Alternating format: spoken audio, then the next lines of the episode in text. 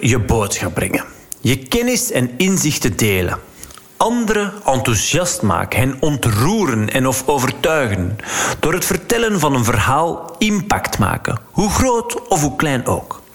Nadat ik de vorige aflevering een monoloog opnam, waarin ik wat dieper inging op een aspect van vitaliteit en datgene ik dus doe met Epic Coaching, denk aan de kracht van samenwerken, het stellen van doelen, maar ook het verhogen van je eigen effectiviteit, is het deze keer weer opnieuw tijd voor een interview.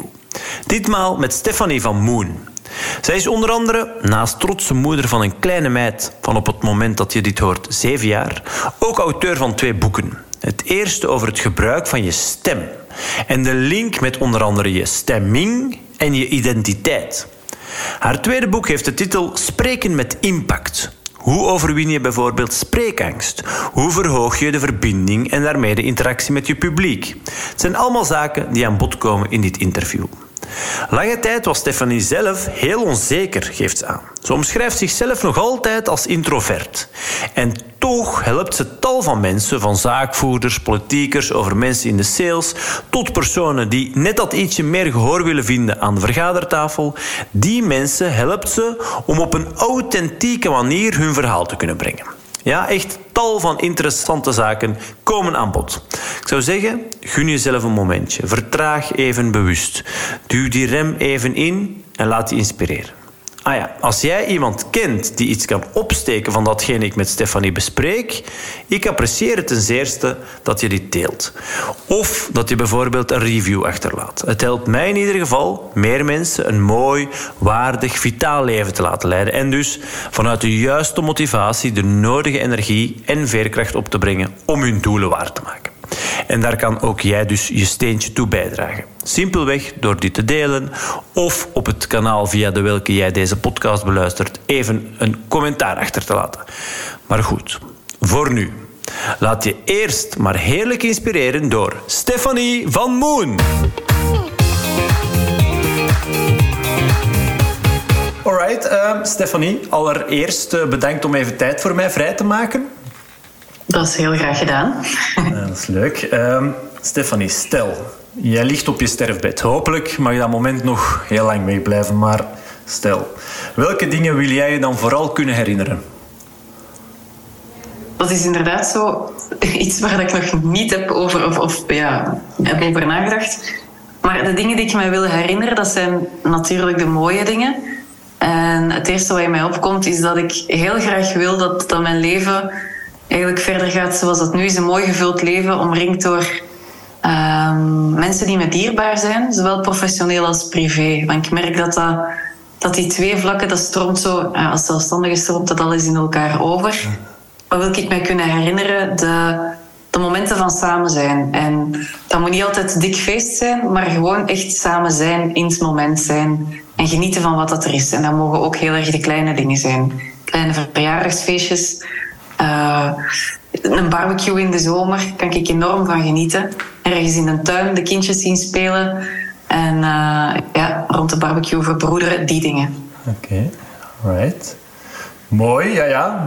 Dus de kleine, de kleine dingetjes en daar ook al tevreden mee zijn en daar voldoening uit halen en daar tevreden ja. mee zijn, ja. Oké, okay, mooi, mooi. Zeg, en, en als ik uh, u vraag, um, wat zou jij graag nalaten? Stel, jij bent er niet meer. En, en wat wil jij dan in de wereld gezet hebben? Een stukje professioneel, maar ook natuurlijk privé. Ik hoor u over kindjes spreken. Uh, ja. ja. Ja, professioneel en privé. Ik heb, ik heb inderdaad ik heb een dochter, die wordt morgen zeven. Okay. Um, wat ik aan haar wil nalaten, dat is dat zij, dat zij weet dat ze, als ze ergens passie voor heeft, um, dat ze ervoor kan gaan en dat heel belangrijk is dat als je een job kiest, dat je die kiest omdat je die graag doet. -hmm. Ik hoor rondom mij iets te vaak mensen op zondagavond zuchten en klagen omdat het morgen weer maandag is. Mm -hmm. En dan denk ik alleen maar stel je voor. Dat moet toch erg zijn. Mm -hmm. Dus dat wil ik haar echt meegeven van als je ergens een passie voor voelt, er bestaat zeker een job voor. En anders creëert je die en zorg ervoor dat je elke dag je ding kunt doen. Dus dat privé uh, haar ook de zelfzekerheid geven. Ik was vroeger heel onzeker zelf, dus ik uh, ben daarin gegroeid. Ik wil haar ook zelfzekerheid geven en zelfstandigheid. En professioneel, ja, ik, ik wil heel graag nu een hefboom zijn voor mensen met, met goede verhalen, mensen met een idee, een aanbod. En dat zijn niet altijd de grote roepers, maar ook gewoon mensen met potentieel. En dat we op die manier kunnen groeien naar een wereld vol mooie verhalen, gebracht door de juiste mensen. En ik denk dat dat hetgeen is wat, ik, wat dan mijn legacy mag zijn. Oké, mooi. Ja, Right, oké. Dat is, uh, ja, ja. Dat, dat zou lukken, hè. Dat, zou, dat zou heel mooi zijn, hè. Ja, ja. ja dat mooi zou mooi zijn. Ja, mooi streven, ja, oké. Dat is een, een stipje aan de horizon. En als je daar, uh, dat zijn, ja, ik heb het wel eens over duurzame doelen. En, en iets waar dat je, hè, als je zelf doelen kunt stellen, waar dat je echt gedurende meerdere jaren mee verder kunt, laat ons zeggen. Ja, goed, dat, dat, daar haal de motivatie uit. En uh, de juiste motivatie. En dat zijn ik hoor je een paar dingen opsommen waar dat je echt wel lang mee vooruit kunt, laat ons zeggen. Uh, dus ja, dat is heel mooi. Oké, geweldig. Oké, voor degenen die jou uh, niet kennen, hè, dat, uh, dat kan en dat zal wel zo zijn dat er ongetwijfeld luisteraars zijn die zeggen: Oké, um, wie is dan Stefanie van Moen? Mm. Vertel. Uh, in een notendop. Ja, uh, ik, ik, zal beginnen met mijn opleiding, maar ik ga niet beginnen van toen ik 12 was of zo, want dan zijn we nog lang bezig. Ik ben eigenlijk opgeleid als logopediste. Dus ik heb een tien jaar een achtergrond als paramedicus, stemtherapeut, heel erg specifiek rond de stem. En dat triggerde mij enorm. Ik vind die stem heel erg boeiend. Ik ben er dan mee gestopt als therapeut en dan ben ik mij gaan bijscholen tot coach en trainer in eerste instantie voor mezelf. En dan uiteindelijk ook natuurlijk voor de juiste klanten. En dan van het een het ander gerold. Hè. Dan, uh, dan komt je de juiste klant tegen, die kent dan nog een bedrijf dat wil gecoacht worden. En zo is het dat ik nu voltijds met Vox Consult um, in bedrijven presentatietrainingen geef. Of spreken met impact. Uh, aan de universiteit geef ik aan de PhD's geef ik uh, ook trainingen, want dat zijn mensen met heel veel kennis. Maar zo die kennis brengen naar de, de wereld, dat, dat is al een keer moeilijk. Hè? Zeker om niet in jargon te vervallen of een veelheid aan informatie te geven. Uh, dat is wat ik voor groepen doe in bedrijven. En één op één, dan is dat het coachen van sprekers. En uh, dat, dat, gaat van ondernemers, leidinggevenden, een stukje in de politiek, mensen met, uh, met mooie ideeën. Um, ja, daarbij zorg ik dat zij of het podium kunnen pakken op hun manier. Daarnaast ben ik heel erg fan van de TED Talks, die je misschien wel kent. -hmm. Ik ben uh, TEDx-coach, uh, speaker-coach in Leuven. Okay. En dat vind ik heel plezant om te doen. En dat is een stuk professioneel, dat vlak. En privé, ik woon in het mooie landelijke Huldenberg. Uh, dat is, ik ben verliefd geworden op die streek hier. Ik ben zelf niet van hier. Maar we zijn hier komen wonen en ik hou van de natuur, ik hou van het groene. Ik denk dat dat mijn introverte kantje is die heel erg tot rust komt hier na een hele dag vertellen en in groepen uh, mij te begeven. En daarnaast ja, heb ik een, een, dochter die morgen zeven wordt. Dus dat is, uh, okay. dat is ook fijn. Dat uh, houdt je ook met die voetjes op de grond. ja, dat is waar. Oké. Okay. Zeg, ik hoor u um, zeggen... Uh, ik ben, er juist ik ben vroeger zelf veel onzeker geweest. Ik ben -huh. ergens introvert. En toch ja, spreek jij voor, of help jij... Oh, ik kan me voorstellen dat je zelf ook wel ja, spreekt en, en zelf, ja, ja. practice what you preach, uh, zeggen ze wel eens. Dus, dus um, waar is daar dan ja, die omslag gebeurd? Uh, kan je daar... Er, er, is, er is, ik heb daar zo even zitten over nadenken, want de eerste keer dat ik mij bewust was van... Uh, kijk, zie mij nu een keer doen. Vroeger was ik zo verlegen en introvert. Introvert ben ik nog altijd, hè. Ja. Maar in het middelbaar heb ik nog gedaan alsof ik flauw viel om er niet voor de klas te moeten staan en mijn boekbespreking Frans te doen. Dus het zat wel vrij diep. Mm -hmm. uh, wat is er veranderd? Dat is zo vooral in mijn twintiger jaren. Als ik aan het studeren was voor logopedie, heb ik echt geleerd hoe dat die stem werkt. Dan heb ik geleerd hoe dat je, ook als je onzeker bent en je voelt dat die stem begint te trillen, dat je mond zo klam, je droge mond, klamme handjes, die dingen en door te weten hoe dat, dat werkt en dus te zien hoe fascinerend dat, dat is, hoe dat stem en stemming samenwerkt, mm-hmm. heb ik eigenlijk de eerste keer ervaren hoe leuk het is om voor een groep te mogen en kunnen uitleggen over iets waar dat je heel veel passie voor hebt. En ik zeg niet dat dat de eerste keer heel tof was. Hè. Ik bedoel, dat was nog geen leuke ervaring. Ik was, ik was nog een groentje en, en dat was niet zo fantastisch goede eerste lezing ooit. Maar ik ben er wel enorm in gaan groeien en, en gaan merken van wat pakt er bij een publiek? Wat vind ik leuk? Hoe wil ik mij voelen na zo'n presentatie? Hoe wil ik dat mijn publiek zich gaat voelen? En ik heb er uiteindelijk mijn job van gemaakt. Ja. En uh, ik merk dat dat bij mensen, bij klanten of bij sprekers ook wel werkt als je zegt, en uh, authentiek, want dat is ook zo van, kijk, ik kom vandaar ik heb dat vroeger echt meegemaakt, hè? die blackouts en ik eh, flauw doen alsof dat, ja, alsof dat je maar niet, zolang dat je maar niet op dat podium moet komen te staan. als je dan die transitie, dat, die evolutie kunt beschrijven en, en dat dan meegeven aan mensen, ja, dat is, is fantastisch mooi. Hè? Ja, ja. Ja, ja, tuurlijk, zeker. Ja, omdat je het, je kunt je echt heel gemakkelijk inleven, omdat je het zelf hebt meegemaakt. En, ja, en als je het dan ook nog kunt meegeven en overdragen, Alright, oké. Okay. Zeg, en, en uh, dus die stem... Um, misschien even toch, hè, want ik hoor u zeggen de link tussen stem en stemming. Hè, hoe, hoe dat, ja. dat samenwerkt. Dan, dat komt bij mij binnen denk ik, hmm, dat is... Uh, ja, tell me more. en dat lijkt me uh, heel boeiend ook voor de luisteraar. Ja, wat is dan het verband en uh, hoe werkt dat samen en wat is de link? Wel, zoals nu, hè, we zijn een, een podcast aan het opnemen. Ik kan me inbeelden als mensen aan het luisteren zijn en ze hebben er geen beeld bij. Automatisch met de radio is dat ook zo gevormd, u een beeld van de spreker. Je denkt, ah, die ziet er zeker zo of zo uit. Ik had dat vroeger met bijvoorbeeld Studio Brussel ook. Uh, ik, ik luisterde s morgens altijd naar dat programma met Thomas de Soete en ik denk dat Linde Merkpoel was. Ik had een volledig beeld van Thomas de Soete. Ik dacht, die mens ziet er zo en zo uit. En dan krijgt hij een tv-show. En dan denkt hij, nee, nee, nee, nee, nee. Maar dat, dat kan niet, hè. Want die zijn stem, dat komt niet overeen met zijn gezicht. Maar je hebt er een beeld over. Dus wat is stem en stemming? Dat is deels dat. Hè. Stem is zoiets subjectief. En toch gaan wij daar woorden voor verzinnen. iemand, de ene persoon vindt een heese stem vindt dat heel sexy. Iemand anders zegt, oh, maar dat klinkt infantiel. Hmm. dus ja. dat is een ding. En stem is stemming, wat bedoel ik daar ook mee? Zolang dat je dan niet weet aan welke knopjes dat je moet draaien van de stem, nu druk ik het heel technisch uit, maar heeft uw stem al gesproken voor u voordat uw inhoud heeft gesproken? Als uw stem trilt, of als er een kraakje in uw stem zit, of als we veel te diep inademen voordat we spreken, gaan we op het einde van onze zinnen onze woorden omhoog duwen. Terwijl het klinkt alsof iedere zin een vraag is. Terwijl die zin eigenlijk totaal geen vraag is. Dan noemen ze dan uptalk. Mm En dan gaat mijn stem eigenlijk uitdrukken van ik voel me niet zo zeker ik wil dat je bevestigt wat dat ik zeg. Ja, ja. Terwijl dat de woorden die je zegt wel wil uitdrukken van hé, hey, ik weet wel waarover dat ik het heb. Hè. Ja. Maar dus er is heel vaak een mismatch tussen hoe dat je het zegt en wat dat je zegt. En dat vind ik heel boeiend om te gaan uh, exploreren. Ja.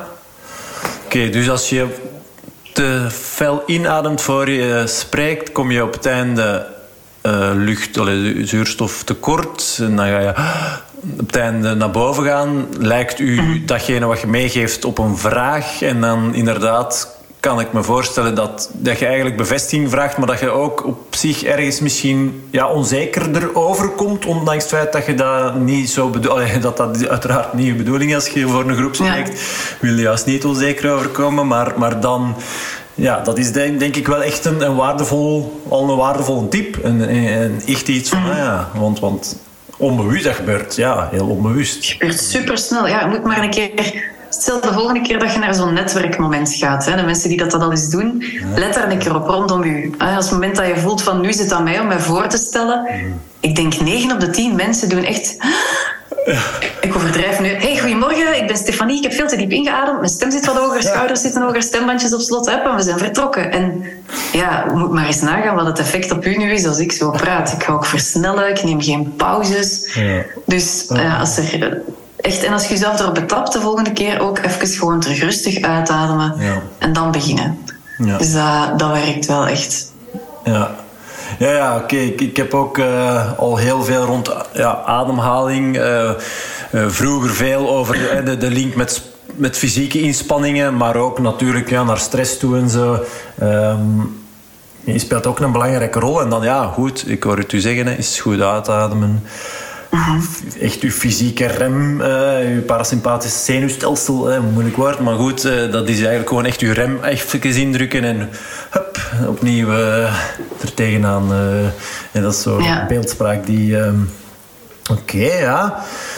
Boeiend eigenlijk. Ik heb er ehm, misschien, nu dat ik het u zo hoor vertellen, zelf ook misschien tot nu toe nog te weinig bij stilgestaan bij het gegeven. Uh, ja, de link tussen stem. Is er nog meer te vertellen over, uh, Want ik had een beetje op zoekwerk gedaan natuurlijk. En ik, ik had inderdaad een link tussen stem en stemming, maar ook een link tussen stem en lichaam en identiteit. Maar dan lichaam, dat bedoel je dan mee misschien juist bijvoorbeeld dat je te, te fel inademt, is dat dan hè, bijvoorbeeld de longen dan, dat deel van je mhm. lichaam? Of, of zijn er nog andere misschien ja. ook te veel fel voorover zitten, dat je dan ook niet echt, uh, dat je vooruit, misschien ja, als je dan niet hier ja, de luisteraar ziet dat niet, maar in uw buik niet voldoende ruimte hebt, dat je te veel doorgezakt zit, dat daar waarschijnlijk ook ongetwijfeld een link zit. Ja, ja houding in het algemeen.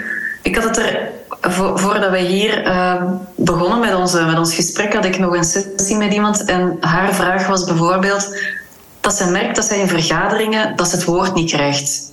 En nogthans zit ze klaar. Hè? Ik bedoel, mentaal is ze klaar. Ze heeft alle vinkjes gezet van... Oké, het is mijn moment om te praten. Het is relevant wat ik ga zeggen. Uh, het is oké. Maar non-verbaal toont ze eigenlijk niet van... Ik, ik wil iets zeggen. Dus het wordt al niet opgemerkt. Mhm. En als het dan doet, gaat ze heel erg gaan duwen op die stem. Wat wil dat zeggen? Ik ben dat hier aan het voordoen, maar degene die het niet zien, de schouders naar voren en gaan duwen op, op heel dat lijf. Dat gaat ook zijn effect hebben op je stem. Uh, stel je voor dat je, om, om, nog een link uit te leggen met, met lichaam en stem, uh, de mensen die zeggen, ah, maar ik heb zo geen krachtige stem. En mijn stem draagt niet tot op het einde van de zaal. Wat gaan we dan heel vaak doen? Moet er ook maar eens op letten. Kin omhoog steken. Van, eh, hebben jullie me achteraan ook gehoord? Kin omhoog. Maar moet maar eens opletten, wat gebeurt er nu met mijn stem? Ik overdrijf natuurlijk een beetje, maar die komt onder druk te staan. Heel veel docenten, heel veel leerkrachten en sprekers, die doen dat dus. Hè. Kin omhoog en van achter gehoord, oké, je blijft zo wabbelen. Super vermoeiend voor die stem. Ja. Mhm. Ja, oké, ja, ja. ja. Heel, uh, en is dat dan omdat je je stembanden uittrekt, of is dat nu ja, ik weet het niet. Ja. op een of andere je, hebt, je hebt inderdaad, eh, als, als ik mijn kinderen mogen, je hebt je strottenhoofd. Hè, bij mannen zie je die ademsappel iets beter zitten. Maar dat zijn kraakbeentjes en daarin zitten die twee stembandjes. En die zijn maar anderhalve centimeter, twee centimeter lang. Dat is klein, hè? Maar als ik, als ik omhoog ga, dan ga ik eigenlijk, moet dat maar eens proberen straks, of terwijl je aan het luisteren bent. Ehm, en dan zo praten, dan ga je dat systeem iets meer onder druk zetten. Want ja, dat, kan minder, dat heeft minder bewegingsvrijheid. Mhm. Dus die stembandjes komen eigenlijk ook gewoon iets vaster te zitten en klinken. Dan kan het zijn dat je stem ook zo wat overslaat. Soms hebben we dat als we nerveus zijn, want dat, dan, dan geeft hij zo'n gek sprongje in het begin. Of die stem moet zich precies nog even kalibreren. Mhm. Maar heel vaak ligt dat eraan dat je je, je lichaam aan het opspannen bent. In plaats van even die schouders te ontspannen, opentrekken. En ik, ik ga nu een hele rare en, en weinig elegante tip geven. Maar het beste wat je kan doen als je voelt dat je zo wat opgespannen bent en dat die stem gekke hobbels neemt, is voordat je begint te spreken, en het is sociaal even verantwoord, dat is gewoon eens luidop met open mond en geluid geeuwen. Dus echt een... Dat is een mentale en fysieke reset, ook voor je stem. Mhm, oké. Ja, ja, ja. Ehm, ik had het ook nog nooit zo. Uh, maar want ik hoor u zeggen mentale reset. En je geeft eigenlijk je lichaam de. de ja, je, laat het toe om even. ja. Ja. Um, ik ben even aan het denken. Er zit, ja, ja, het is, het is interessant. Het is interessant. je zit erover aan het nadenken, ja, ik zie het. nadenken, het is, uh, nee, nee, maar het feit dat je het toe... Want je, je, je geeft het zelf aan, hè, in niet alle um, situaties wordt het waarschijnlijk... Uh, of is het, uh, is het haalbaar? Wordt het ge, ja, geapprecieerd of, of is het niet, niet echt aan de orde? Maar het feit dat je het, het wel kunt en het wel doet en het jezelf ook toelaat. En ehm, dat is dan misschien mentaal, maar dat je ja, ja, nee, nee. Ik, uh, ik volg je wel. Uh, ik, ik, weet alleen niet juist de exacte, misschien wij jij wel, de, de, dan de, het, het geeuwen en dan. Kan jij dat verklaren waarom het ook een mentale uh, reset stukje is? Uh, wat ik ervan heb gelezen en, en wat ik merk, het mentale stuk zit hem voor mij in het feit dat je zo'n keer goed geeft, dat je ademhaling ook meer onder controle is, dat misschien ook die stress daardoor een stuk gaat liggen. En hoe hoger dat je ademt, hoe hoger dat die schouders komen zitten, hoe oppervlakkiger dat je ademt, dat weet jij ook. Ehm, als je zo'n keer goed kunt doorgeven, dat, dat voelt aan alsof het meer kalibreert en stresshormoon zakt. En dan heb je misschien ook meer toegang tot je korte termijn geheugen en ook tot je improvisatievermogen. En dat zijn twee dingen die je toch wel kan gebruiken als je zo voor het publiek staat. Hè? Ja, ja. Nee, nee, wel. Ja, en is er een... ehm, is er dan nog een verschil tussen het geeuwen en gewoon lang uitademen? Of is dat dan, komt, is dat dan hier heel gelijk lopen? ik denk, als ik het zo doe, het begin van de geeuw, dan gaat je strottenhoofd naar beneden.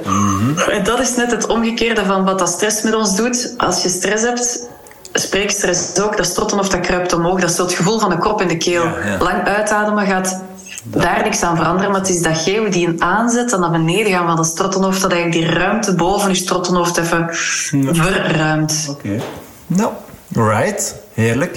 Zeg, en eh, dan eh, was er ook nog... eh, ik had ook gezien, er is een link tussen je stem en je identiteit. Is dat dan... Wat dat we er straks bijvoorbeeld, hè, je noemde het uptalk als ik me niet vergis, hè, dat je dan eh, door een tekort aan zuurstof op het einde van je zin, dat je dan eigenlijk omhoog gaat, dat dat dan lijkt alsof dat je een vraag stelt, dat je daar dan bijvoorbeeld daardoor wat onzekerder over komt. Is dat dan een voorbeeld van die link tussen stem en identiteit, dat je ja, identiteit onzeker overkomen, dat is misschien ook eh, een brug te ver, maar... Of toch, ja, of ik weet het niet. Een stuk, hè, de- hoe dat je overkomt, is volgens mij ook wel een stuk van je identiteit, maar dat is meer de perceptie van wat een publiek over u heeft. Ja. Ehm, stem en identiteit, dat zag ik eerder als... Komt mijn stem overeen met de persoon die ik mij voel en hoe dat ik wil overkomen? En ik, ik maak het bruggetje naar mijn eerste specialisatie, eh, toen ik nog paramedicus was, en dat was de transgenderstem. Ik heb heel veel gewerkt met mensen die van man naar vrouw, vrouw naar man een transitie doormaakten, maar hun stem volgt daarbij niet altijd. Hè. Je lichamelijk eh, kun je heel veel dingen doen, laten doen. Ehm, mentaal zijn we daar dan vaak wel al. Maar ik heb hier menig mensen zien binnenwandelen dat ik dacht, maar zo'n kokette dame. En dan doet hij haar mond open en komt er zo'n heel diepe basstem uit. Ja. En je kunt niet verder van je identiteit raken op dat moment. En eh, je komt binnen en mensen zeggen, ah, dag mevrouw. Je begint te praten, zeg, oh nee, ik bedoel, sorry meneer. Dan denk ik, nee, dat, dat is niet waar. Dan zit je volledig gedeconnecteerd van de persoon die je bent en wilt zijn. Ja, ja. Dus dat is voor mij ook, klinkt uw stem eh, zoals dat je wil zijn? Want ik, helemaal in het begin, als wij hier de sessie begonnen, er was van alles mis met geluid. Ja. En ik vroeg ook, eh, kan je mij goed horen? En toen zei je ook, ja, ik, ik weet het niet goed. Ik weet niet of dit, dit wel jouw stem is. En inderdaad, er was iets mis met de microfoon. Ja, het klopte gewoon. Ja, ik, zie, u- ik zag u wel. En inderdaad, en dan hoorde ik zo een, een dus ja, bijna ja, mannelijke, robotachtige stem. Ik dacht, ja, Ja. dat, nee, ja, dat matcht niet. Dat is een beetje het verhaal van, eh van daar straks van Thomas de Soete. Allee, to- ja, iets anders, maar toch, ehm, ja, toch, ehm, oké. Right. Nee, nee, heel boeiend. ehm, ja, dus eh, je hebt eh, daar eh, veel rondgewerkt ehm, rond de stem. Boeiend. ehm, Oké. Zeg, en dan ben je meer naar het spreken met impact gegaan. Allee, ja, dus minder... Ja, dat is ook wel een stukje natuurlijk stemgebruik, maar, maar hoe komt dat daar dan? Ehm, maar er zullen veel meer dingen bij komen dan alleen het gebruik van hoe je je stem inzet en dan... Ja. de- hoe is daar dan de transitie in jouw professionele carrière eh, tot stand gekomen? Ehm, Die, die stem die maakt er structuur nog altijd wel een deel van uit, maar ik ga dat niet zo per se benoemen. Het is niet als er een bedrijfsleider vraagt van... eh, ik heb eind maart een grote presentatie te doen in het buitenland. Kunnen we zorgen dat ik zeg van we gaan vooral... Dat zit er wel subtiel in. Als ik merk van oeh, die gaat de klemtonen verkeerd leggen of het komt eigenlijk niet krachtig over, dan ga ik daar subtiel wel wat stemoefeningen in steken. Ja. Maar dat, is zeker niet meer zo de, de hoofdfocus. Ik heb dat in het begin dus ook een beetje weggestoken zelfs. Als ik stopte als therapeut, dacht ik, ik ben geen therapeut meer, dus ik ga dat stemgedeelte ook niet meer benoemen. Totdat mensen mij zeiden van, maar dat vinden wij net wel de sterkte, dat dat, dat, dat stukje daarin zit.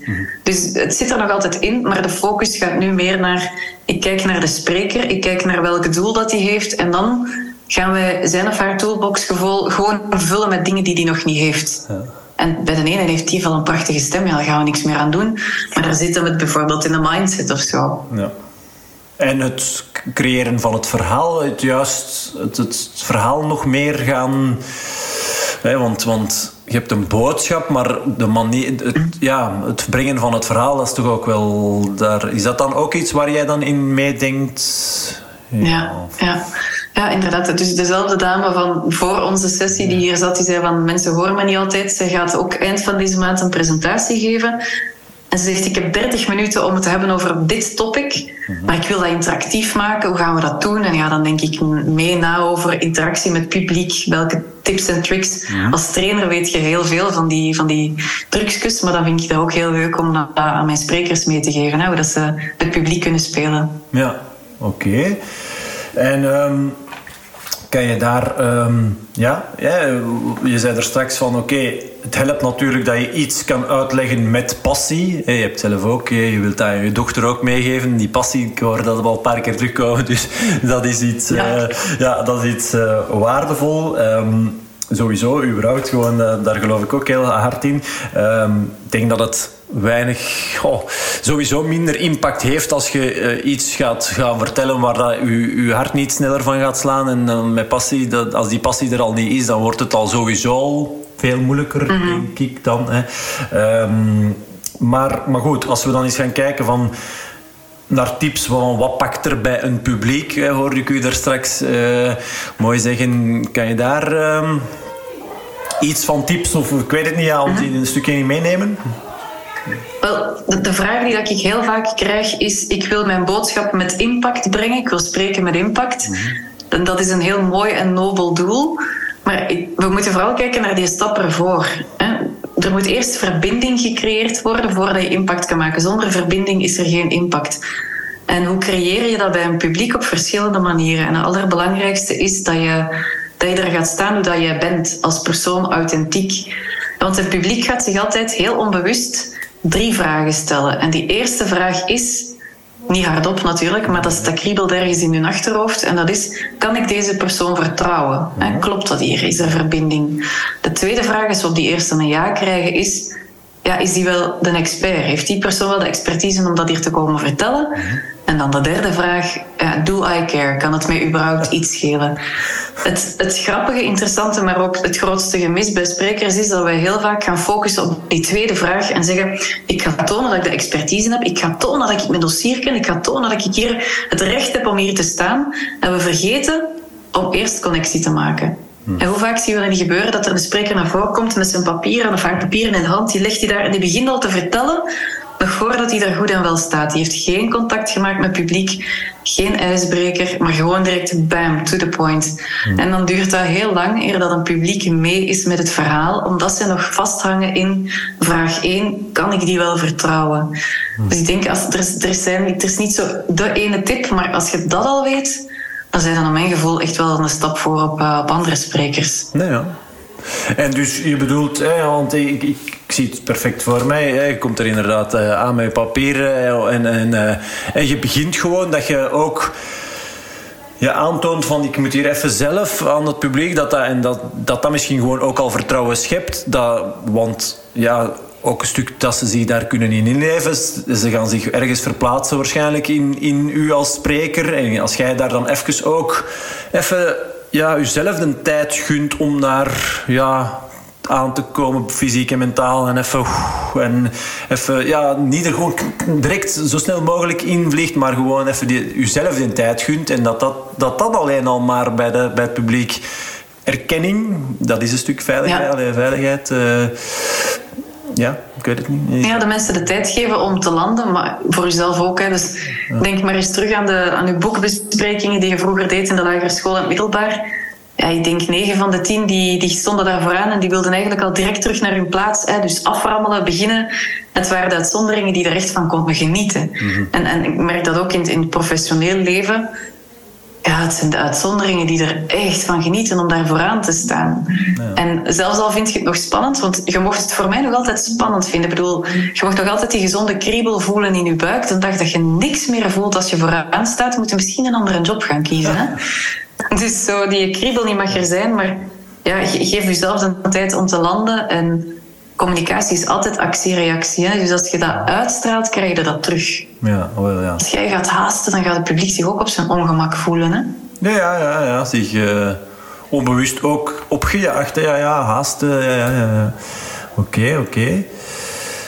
Okay. Um, dan ik hoor u er straks ook zeggen van niet in hè, een valkuil voor velen, uh, niet in jargon vallen. Dat, dat je te veel ja, in, uw, in uw wereldje, in uw taal, wat dat voor, voor u als expert heel normaal is.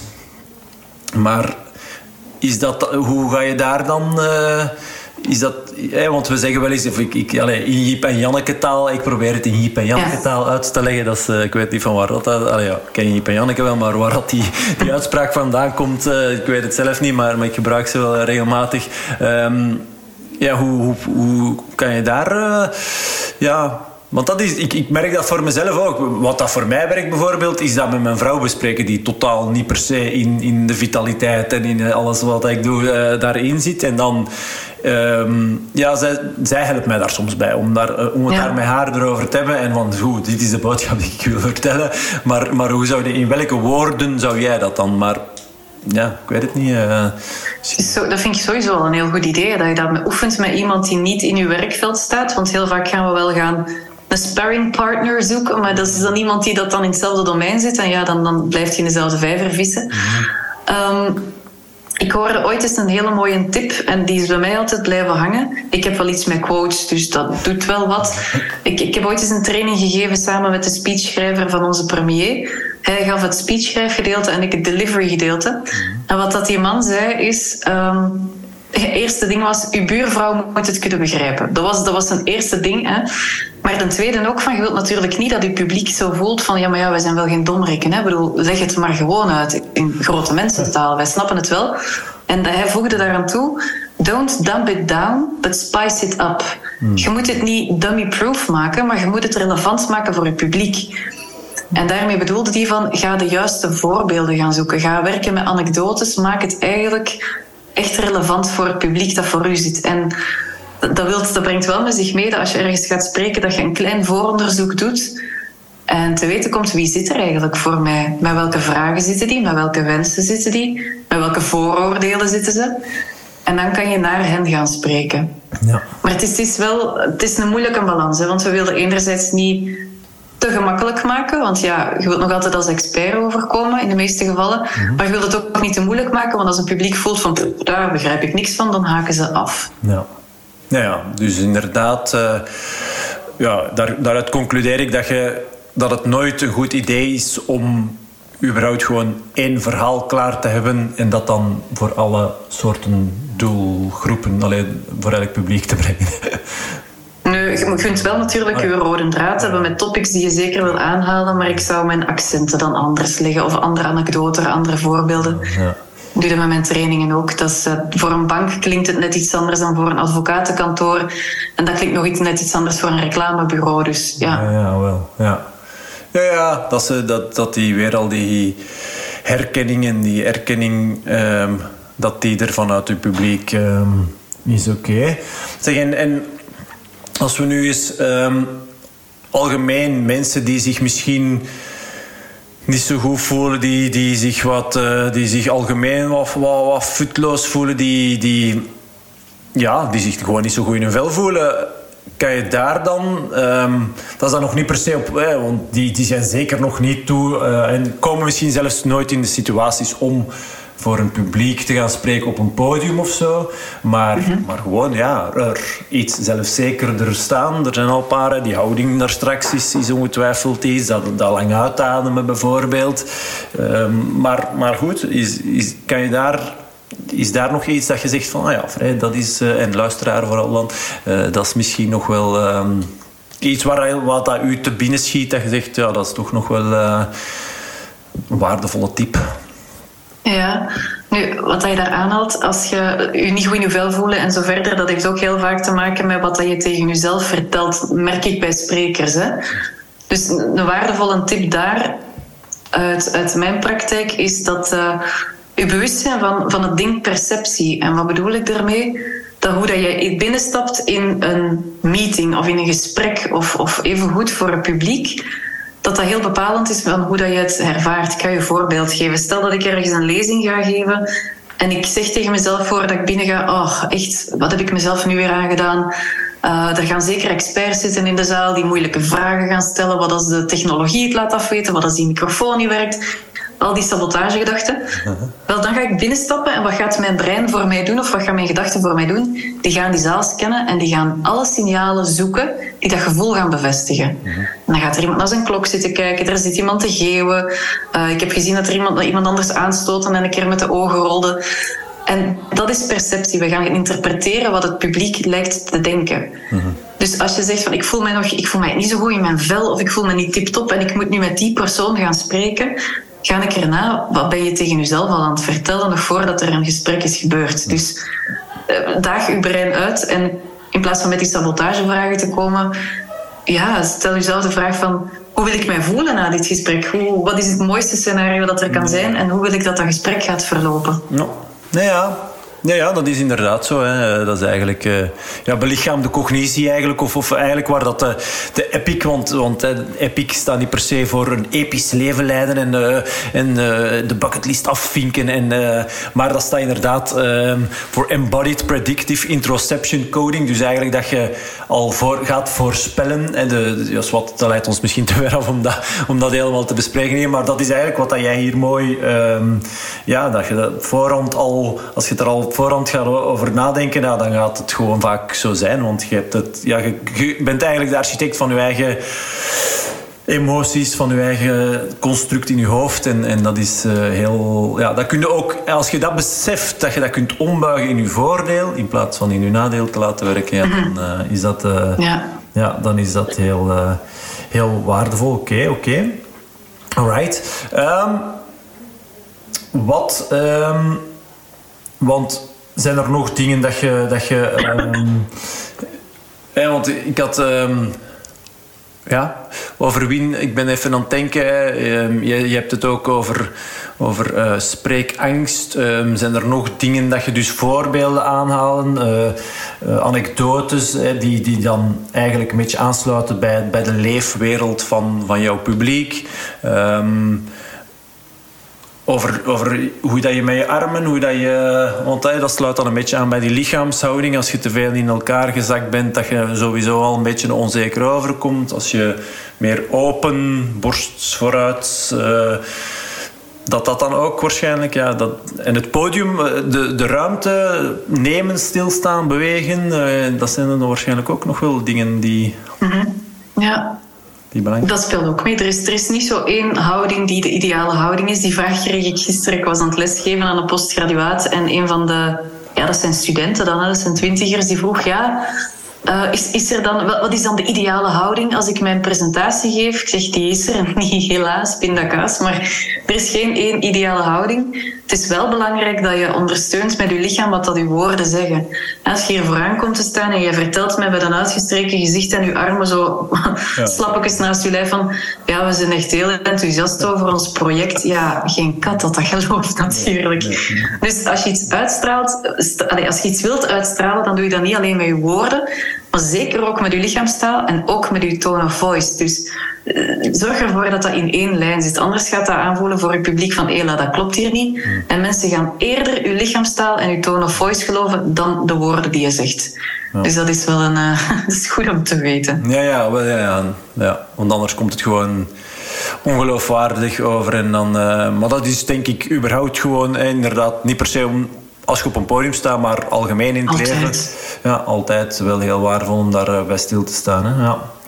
Mm-hmm. Alright, oké. Okay. Um, ik ben even aan het denken, zijn er nog um, dingen die, die je zegt van vrij...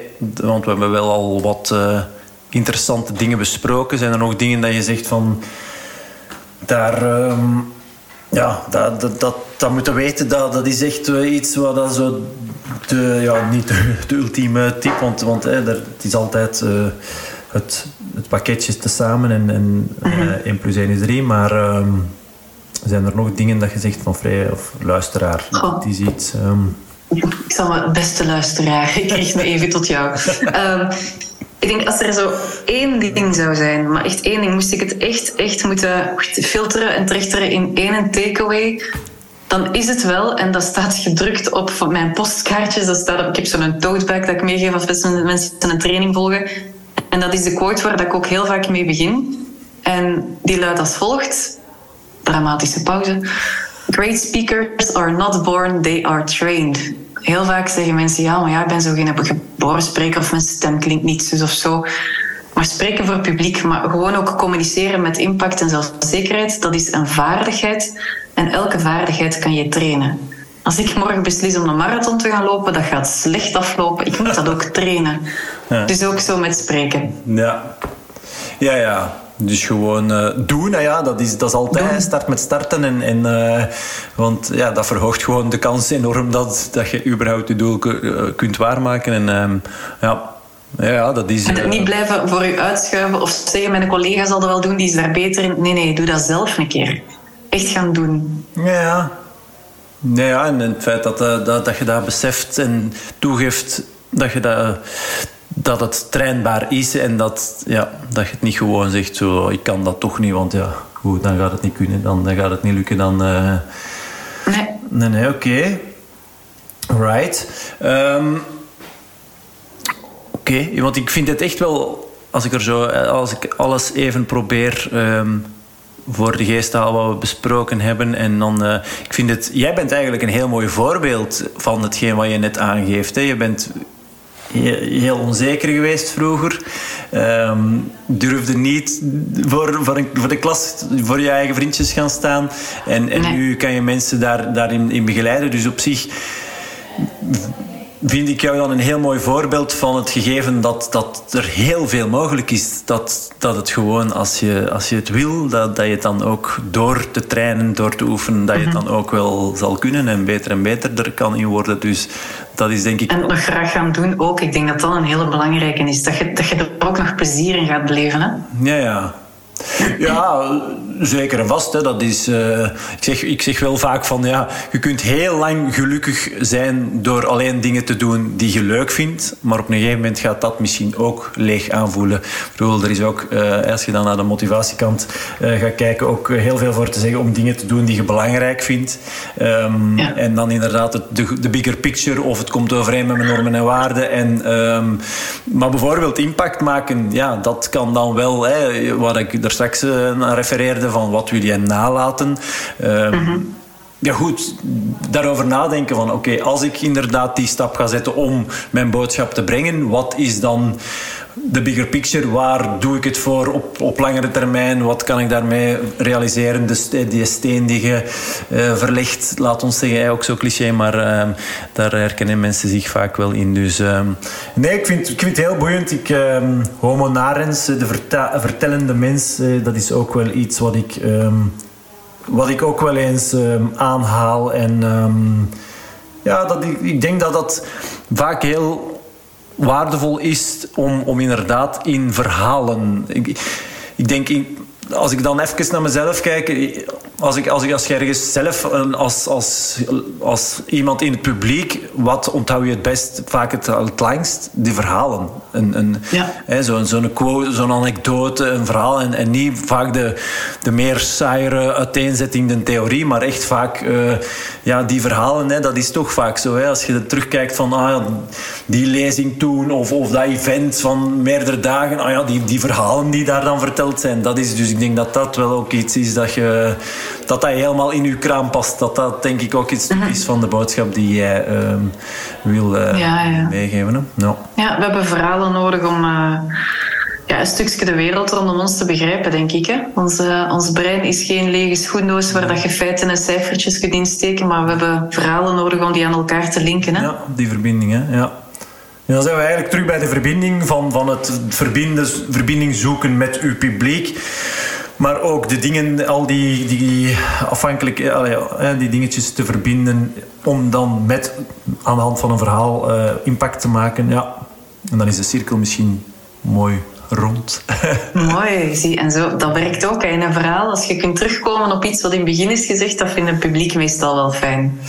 Ja, inderdaad. Ja, heel herkenbaar. ja, ja, dat je terug kunt refereren naar weet je nog daar straks. En bij deze is dat mooi, uh, mooi gekaderd en mooi uh, afgerond.